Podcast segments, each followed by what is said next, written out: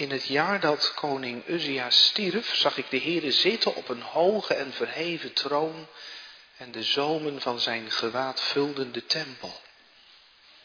Serafs stonden boven hem. Ieder had zes vleugels. Met twee bedekte ieder zijn gezicht. Met twee bedekte hij zijn voeten. En met twee vloog hij. De een riep tot de ander, heilig, heilig, heilig is de Heere van de legermachten. Heel de aarde is vol van zijn heerlijkheid. De deurpinnen in de drempels schudden door de stem van hem die riep. En het huis vulde zich met rook. Toen zei ik, wee mij, want ik verga. Ik ben immers een man met onreine lippen en woon te midden van een volk met onreine lippen. Mijn ogen hebben namelijk de koning, de Heer van de legermachten gezien. Maar een van de serafs vloog naar mij toe en hij had een gloeiende kool in zijn hand die hij met een tang van het altaar had genomen. Daarmee raakte hij mijn mond aan en zei, zie, deze heeft uw lippen aangeraakt. Zo is uw misdaad van u geweken en uw zonde verzoend. Daarna hoorde ik de stem van de Heer. Hij zei, wie zal ik zenden? Wie zal er voor ons gaan? Toen zei ik, zie, hier ben ik. Zend mij.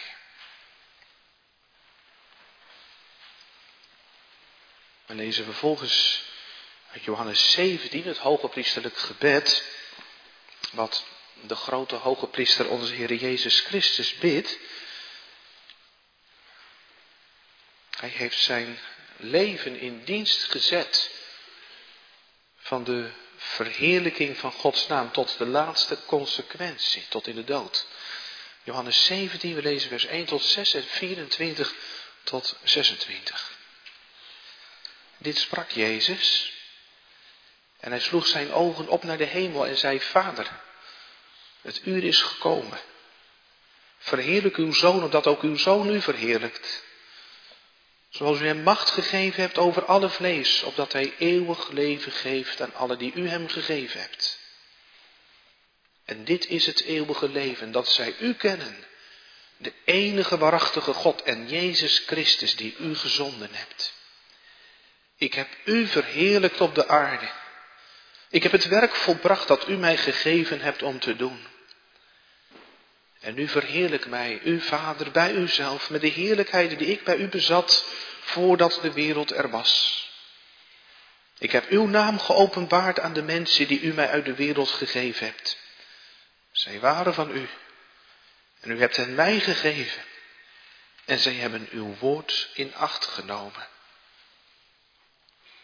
En dan vers 24, Vader, ik wil dat waar ik ben ook zij bij mij zijn die u mij gegeven hebt, opdat zij mijn heerlijkheid zien die u mij gegeven hebt, omdat u mij hebt liefgehad voor de grondlegging van de wereld.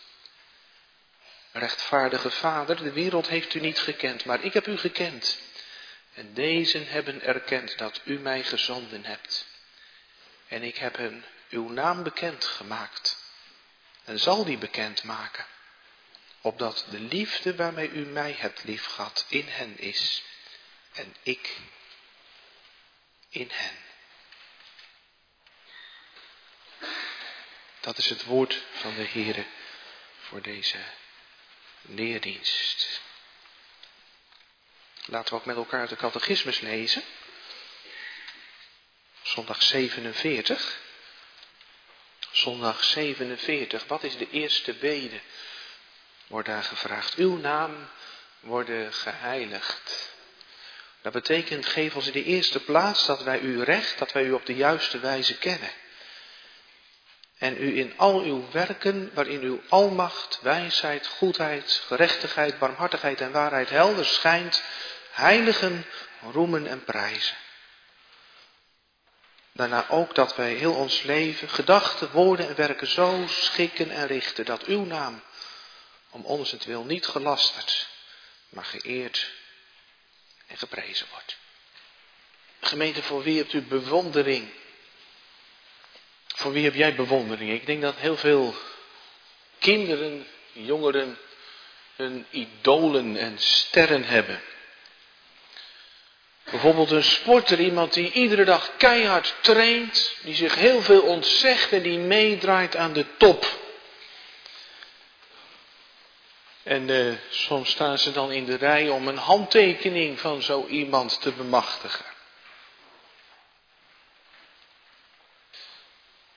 Of een docent op het middelbaar onderwijs heeft bewondering voor die ene leerling die, ja, niet zo heel makkelijk meekomt misschien, maar die zijn uiterste best doet en met trouw en heel veel inzet eruit pest wat hij kan. Of ik zat zelf even te denken van de week. Ik heb bewondering voor die ene broeder in de vorige gemeente waar we mochten werken, die van de week begraven is. Ik wist eigenlijk niet dat hij overleden was, vrij plots, vanwege een herseninfarct. Ongelooflijk veel gedaan voor de kerk, maar hij had ook een dementerende moeder. En iedere avond na het eten zocht hij haar op. En als het weer het toeliet, ging hij een rondje met haar wandelen. Misschien denkt u nog wel aan andere mensen voor wie u veel bewondering hebt. In de eerste bede gaat het over bewondering voor God. Of bewondering, misschien kun je beter zeggen aanbidding. Dat is een bijbelse woord, denk ik. Aanbidding. En als het dan gaat over aanbidding, dan komen wij bij het doel van ons leven, want daarvoor zijn wij geschapen. U kent misschien het begin van de catechismus van Westminster, die wordt nogal eens aangehaald, denk ik. Wij hebben de Heidelberger catechismus, maar uh, de Westminster catechismus is vooral voor de kerk van Engeland en Schotland. En de eerste vraag in die catechismus van Westminster is, what is the chief end of man? Wat is het belangrijkste doel van een mens? En dan is het antwoord, mens chief end is to glorify God and to enjoy Him forever. God verheerlijken. En eeuwig van Hem genieten. Dat is het doel van mijn leven. Dat leert de Heer Jezus ons in het Onze Vader. U weet wel, hè, dat gebed, dat mag je letterlijk bidden. Dat doen we ook. Misschien doet u dat ook wel overdag. Misschien bij een van de maaltijden. Dat u alleen of samen met uw gezin het Onze Vader bidt. Maar je mag dat gebed ook gebruiken als hulpmiddel. Als een soort kader, als een soort basis van de belangrijke dingen die een plek mogen hebben in je gebed. En dan merk je al heel gauw als je dat gebed op je in laat werken en de structuur bekijkt. Het gaat in dat gebed over God en het gaat over ons. En dan ook in die volgorde. Uw naam worden geheiligd, uw koninkrijk komen, uw wil geschieden. Eerst drie keer uw. En dan gaat het ook drie keer over ons. Geef ons heden ons dagelijks brood. Vergeef ons onze schulden, gelijk ook wij vergeven onze schuldenaren. En leid ons niet in verzoeking. Maar die volgorde is niet voor niets. Eerst God. De Heer Jezus leert ons om aanbidding centraal te zetten. En ook aan het eind, hè. De lofverheffing. Want van u is het koninkrijk en de kracht en de heerlijkheid tot in eeuwigheid. Dan moet u maar even in gedachten uw eigen gebedsleven leggen. Is dat ook het belangrijkste in uw gebed? Aanbidding. Ik kan dat voor u niet zeggen, maar als ik heel eerlijk ben, dan, dan denk ik dat ik de meeste tijd eerst aan mezelf denk. En het is misschien ook niet verkeerd hè, als je in je gebed ook wel eens zomaar met de deur in huis valt bij de Heere God. En gelijk je nood aan hem voorlegt. Dat doet Petrus ook als hij wegzakt in de golf. Heer, behoud mij. En tegelijk, de Heer Jezus wil ook ons gebedsleven corrigeren. Als het in mijn gebed alleen maar gaat om mijn vragen, mijn zorgen, mijn verlangens, dan krijgt God niet de eerste plek en daar heeft hij wel recht op.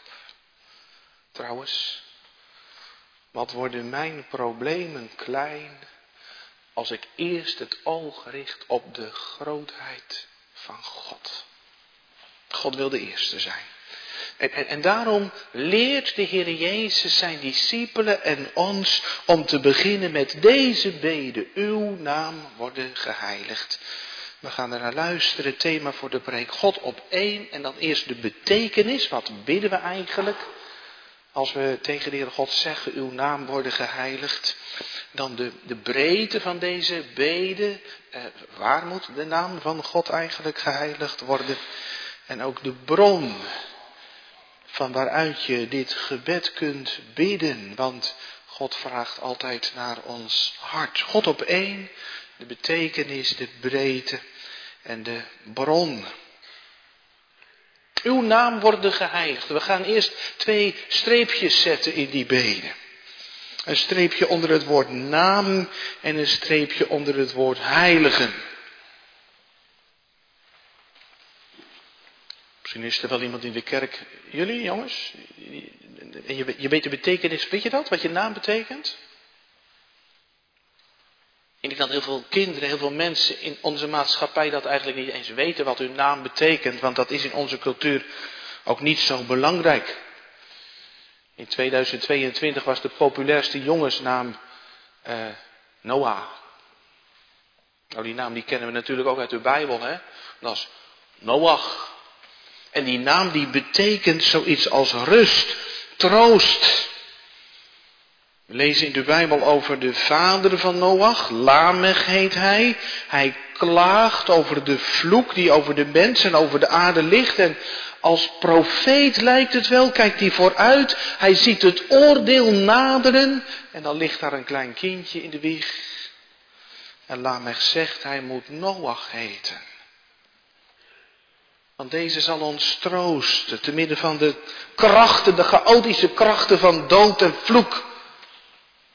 Zal hij rust brengen. En inderdaad is Noach in de handen van de Here een middel geweest om rust en troost te geven. Maar het is de vraag of alle ouders die hun kind Noah noemen dat ook weten.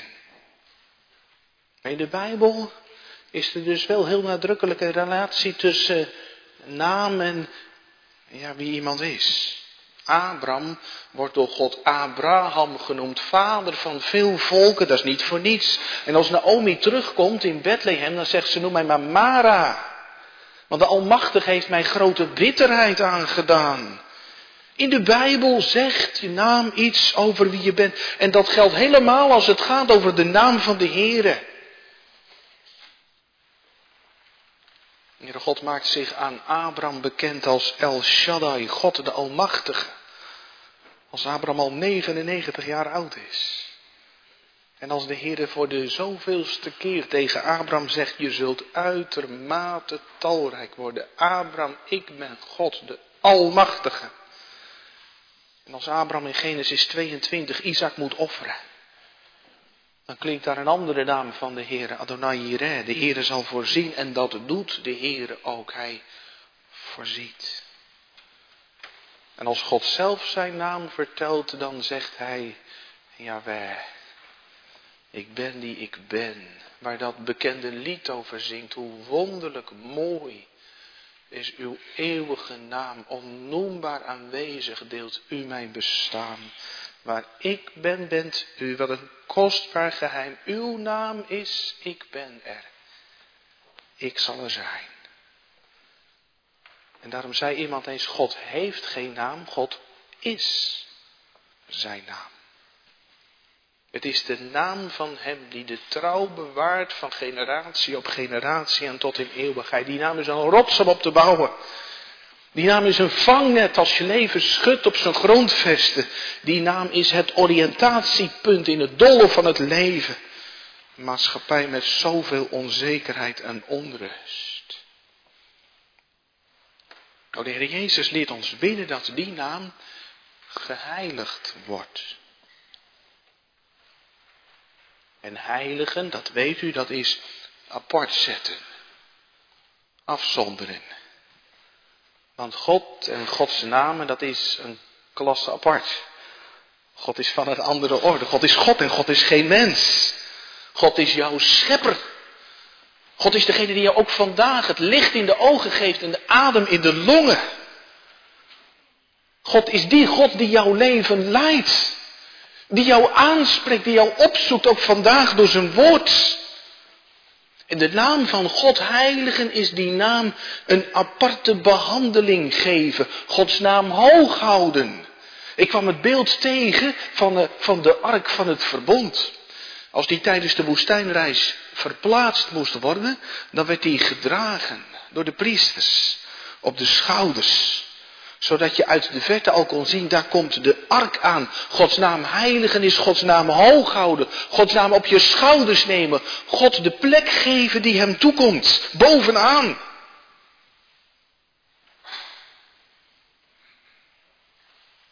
die naam, daar hangt ook je leven van af.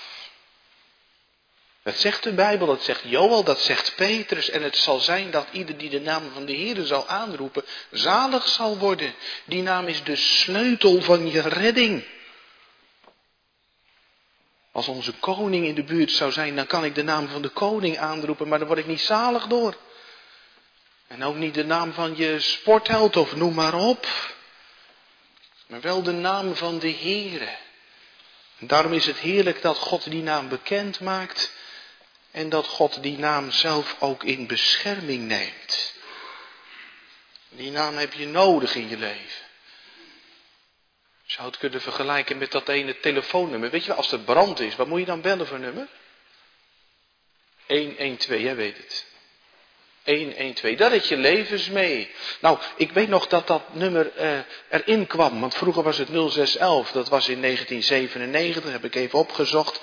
En, en de overheid had toen allemaal campagnes om ervoor te zorgen dat iedereen dat nummer kende. En ik denk dat dat ook ongeveer gelukt is.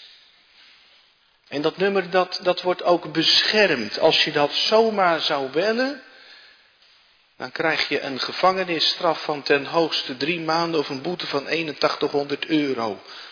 God maakt de naam bekend waarin mijn behoud ligt. Nog belangrijker dan dat noodnummer. Zijn naam Heere. En de naam van zijn zoon, Jezus, want hij zal zijn volk zalig maken van hun zonde. Een naam om zuinig op te zijn. Want als je aan die naam komt, dan kom je aan God zelf. En Gods naam heiligen, wat dat nou in de praktijk is, dat zie je eigenlijk heel mooi in Jezaja 6, dat hoofdstuk wat we hebben gelezen. Die serafs, die doen het ons voor. Jezaja wordt geroepen in een visioen en hij ziet de Heere zit op een hoge en verheven troon en de zomen van het kleed van de Heere vullen de tempel. God is zo ontzagwekkend groot. En dan zijn daar serafs met zes vleugels en met twee van die vleugels bedekken zij hun gezicht. Je zou kunnen zeggen, daarmee laten ze zien dat zij hun plek weten tegenover God. Net zoals je niet recht in de zon kunt kijken, kunnen zelfs die serafs God niet recht in het aangezicht zien. Het is teken van eerbied, zij weten hun plek tegenover de Heer. En met twee vleugels vliegen zij. Ze zijn druk in de weer voor God. Ze vliegen voor Hem. Zij dienen Hem. Ze staan ter beschikking van de Heer. En niet alleen met hun daden, maar ook met hun woorden. Want de ene seraf roept tot de andere. Heilig, heilig, heilig is de Heere van de legermachten. Heel de aarde is vol van zijn heerlijkheid. Nou dat is heiligen. Dat je je plek weet tegenover God. Dat je hem ter beschikking staat. En dat je zijn naam met eerbied op de lippen neemt. Heel je leven toegewijd aan de verheerlijking van zijn naam. Dat vind ik ook terug in de catechismus. Je zou de, het antwoord van de catechismus wat kunnen samenvatten in, in, uh, in, in drie woorden. God kennen, God loven voor God leven. Geef dat we u op de juiste wijze kennen. Dat is je verlangen. En ook als je de Heer kent, blijft dat je verlangen om hoe langer hoe meer Hem te kennen. Wees als nieuwgeboren kinderen zeer begeerig naar de melk van het woord om daardoor op te groeien. Leergierigheid, dat is een van de belangrijkste kenmerken. Dat de Heere God in je leven is begonnen. Paulus, die heeft onderwijs gekregen aan de voeten van Gamaliel.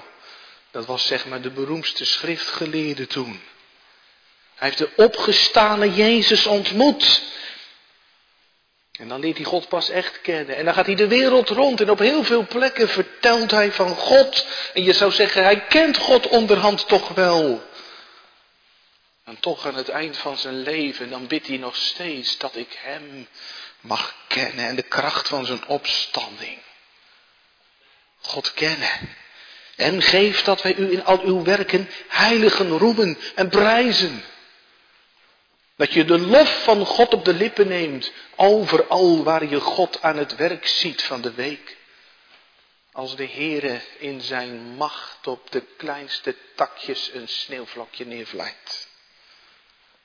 Als je straks naar huis loopt en je ziet misschien sterren aan de hemel staan. En God loven om de weg die hij gaat. Ook als het misschien een omweg is, zoals in het leven van Jozef. Die je achteraf toch leert ontdekken. Dit is Gods wijs beleid zoals de psalm zingt. Gods wijsheid schittert en de wijsheid van God schittert helemaal in het plan wat God maakt om mensen te verlossen. Mensen dicht naar zich toe te halen. En ook leven. Je leven zo schikken staat er en richten. In alles toegelegd zijn op de eer van God. Schikken, denk maar aan bloemschikken. Je leven als een mooi boeket voor de Here. En richten, denk maar pijl en boog. Toegelegd zijn op de eer van God.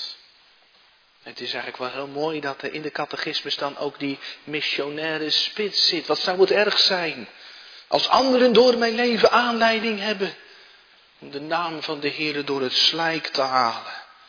Door mijn liefdeloze houding, door mijn harde woorden. Maar wat zou het heerlijk zijn als zij aangetrokken worden. Omdat ik in de praktijk van mijn leven de Heere verheerlijk en leven wil naar zijn eer en wandel in de liefde. En de Heer Jezus leert ons dus bidden, uw naam worden geheiligd. En er zit iets in van, Heere, zorgt u er nou voor dat uw naam wordt hoog gehouden. Wilt u daarvoor zorgen, worden geheiligd. Het is iets wat wij doen zozeer. Hoewel ik er helemaal bij betrokken word, maar wat God doet. Uw naam worden geheiligd. Waar?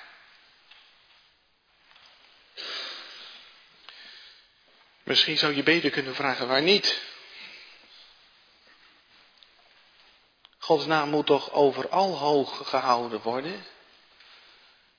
In mijn gezin, maar ook in het torentje van Rutte. En in de Oval Office.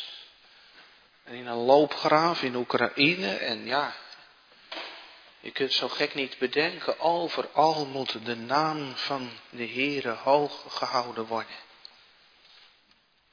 Verder zou lezen in de catechismus, dan merk je dat eh, de catechismus bij de tweede bede een aantal cirkels trekt. Als het gaat over Gods koninkrijk. Uh, dat koninkrijk moet komen in mijn eigen leven. Dat koninkrijk moet, moet, moet komen in, in, in de kerk. En het gaat ook over heel de wereld, totdat dat rijk er in volmaaktheid is. Nou ja, dat zou je ook kunnen doen, die cirkels trekken bij deze eerste bede. Want dit is ook een gebed met het oog op de wereld. Heere, laat aan de wereld zien wie u bent. Openbaar uzelf in de wereld. Laat steeds meer mensen mogen ontdekken wie u bent. Dat hebben we gezongen aan het begin van de dienst, Psalm 113. Van waar de zon opkomt tot waar de zon ondergaat, zij de naam van de Heere geprezen. En ik hoop dat u dat dan ook meezingt met uw hart, omdat dat je verlangen is geworden. Dat je daarna snakt dat uit de mond van alle volkeren op aarde de lof van de Heer klinkt. Uit de mond van Noord-Koreanen, Somaliërs en Eskimo's en Argentijnen en Russen en Hollanders en noem maar op. Zijn naam moet eeuwig eer ontvangen. En als, als deze eerste bede echt je hart heeft, dan bid je om nieuwe arbeiders in de oogst. Dat de velden wit zijn om te oogsten. Dan weet je je betrokken op het zendingswerk, op evangelisatiewerk, op bijbelvertaalwerk, op de internetzending. U kent wel een, eh, een stichting als Wycliffe. De Bijbelvertalers die ernaar verlangen dat het woord van God beschikbaar komt voor alle wereldburgers in hun eigen taal, de taal van hun hart. Ik las pas dat in 2022 in 200 talen een vertaalproject is gestart. En dat is geweldig. En nu nog, nu nog 1600 talen waarin een vertaalproject gestart moet worden. Het is toch geweldig als je dat leest, dan denk je, zullen we daar dan voor gaan bidden met elkaar? Als nou ook dit jaar 200 talen gestart wordt met een Bijbelvertaalproject, dan hebben we nog maar acht jaar te gaan. En dan, dan, dan is er in alle talen van de wereld een deel van de Bijbel hopelijk beschikbaar. Want Jezus zegt toch als het evangelie van het koninkrijk de wereld rond is, dan zal het einde komen. Een gebed voor de wereld.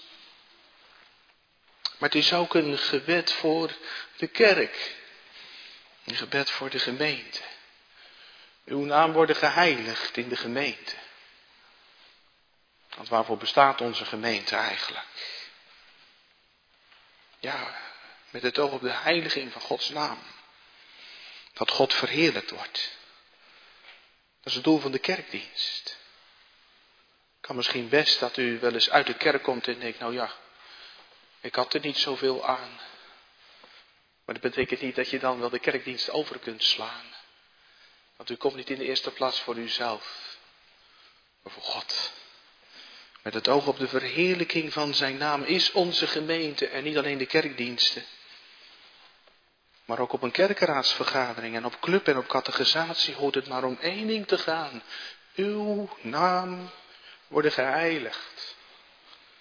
En dan kun je zomaar uit het oog verliezen. En dan denken we, ja, als we het maar fijn hebben met elkaar, als we de boel maar een beetje bij elkaar houden, als ze maar komen. Nee.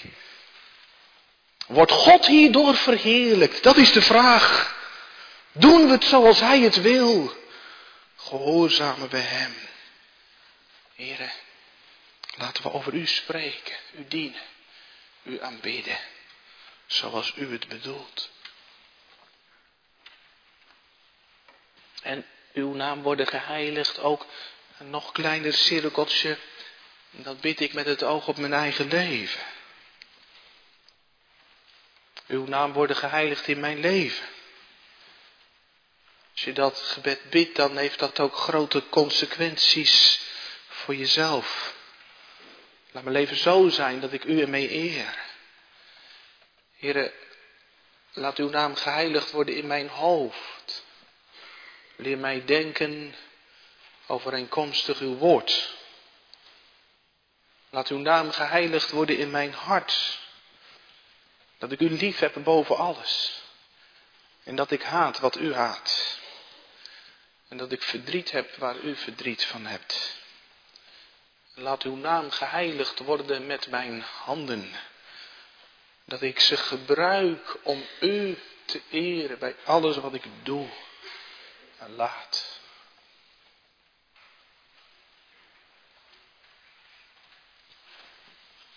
Er is nogal wat. En dat gaat nogal ver. Wat is er nodig om zo te leven dat Gods naam in je leven verheerlijkt wordt? Dat is nog het derde van de preek, de bron. Wat is er nodig om dit gebed te bidden met je hart? Nou, dat is in één woord. liefde. Diepe, radicale liefde tot God. Denk maar aan onze heiland. Die uh, Psalm 40 kon zingen in alle oprechtheid. Mijn liefde en ijver brandt. Ik draag uw wet in mijn binnenste. Is zo toegewijd aan de eer van zijn vader en de verheerlijking en de heiliging van Gods naam. Dat hij er alles voor geeft. Dat hij vol ijver de tempel schoonveegt. Zijn leven geeft tot op het kruis. En we horen hem bidden in het hoge priesterlijk gebed. Ik heb u verheerlijkt op de aarde. Is dat ook jouw leven, uw leven? Leef je met dat totale verlangen om God te bedoelen. Met alles wat je hebt en bent.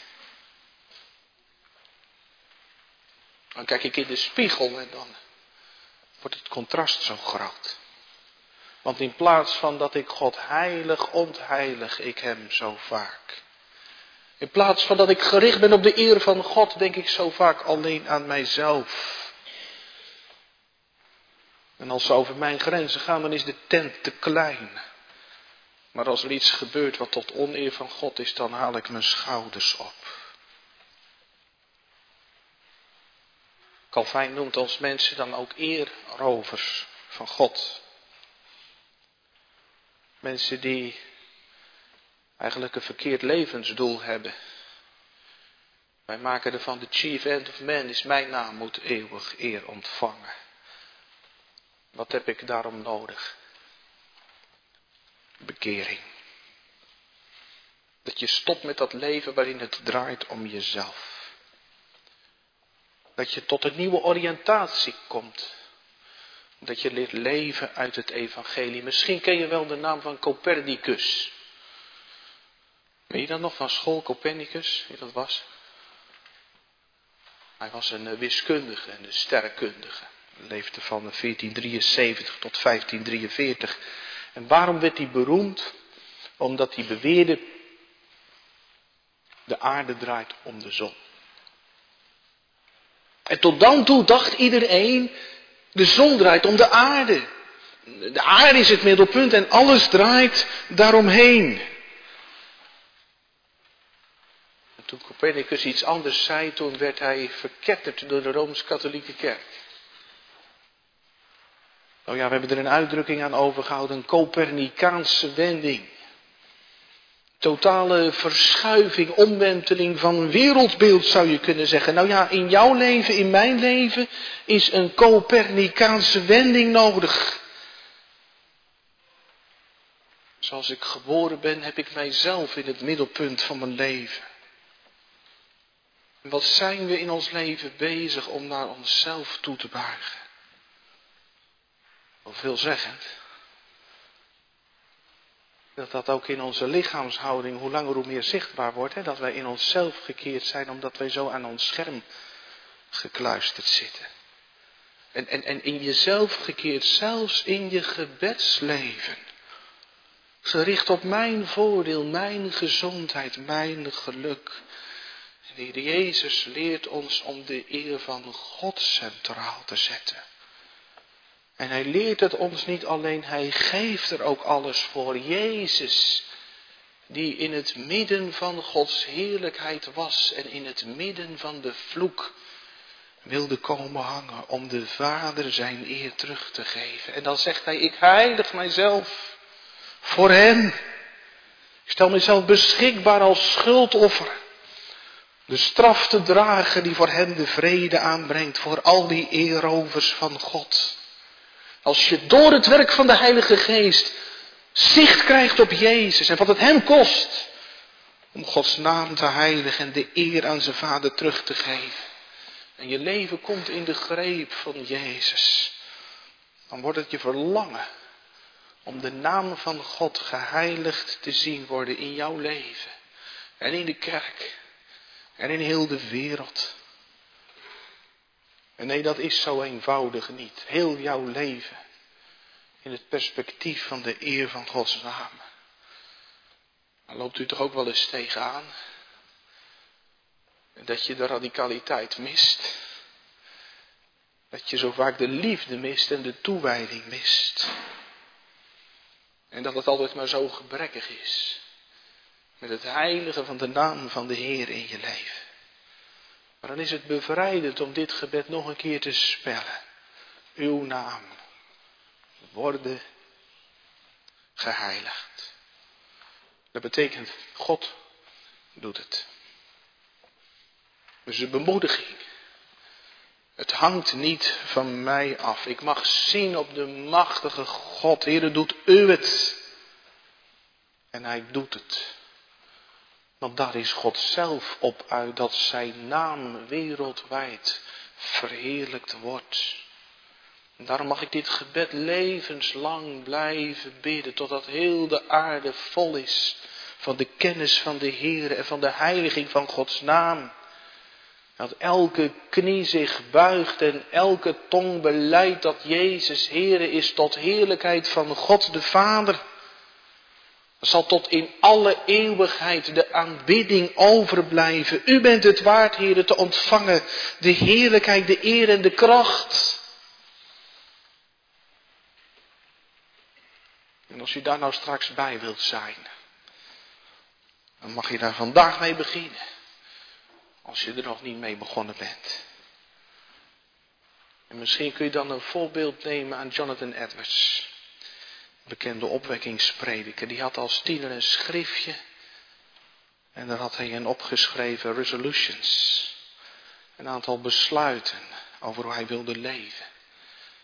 En het eerste voornemen van Edwards was, ik wil zo leven.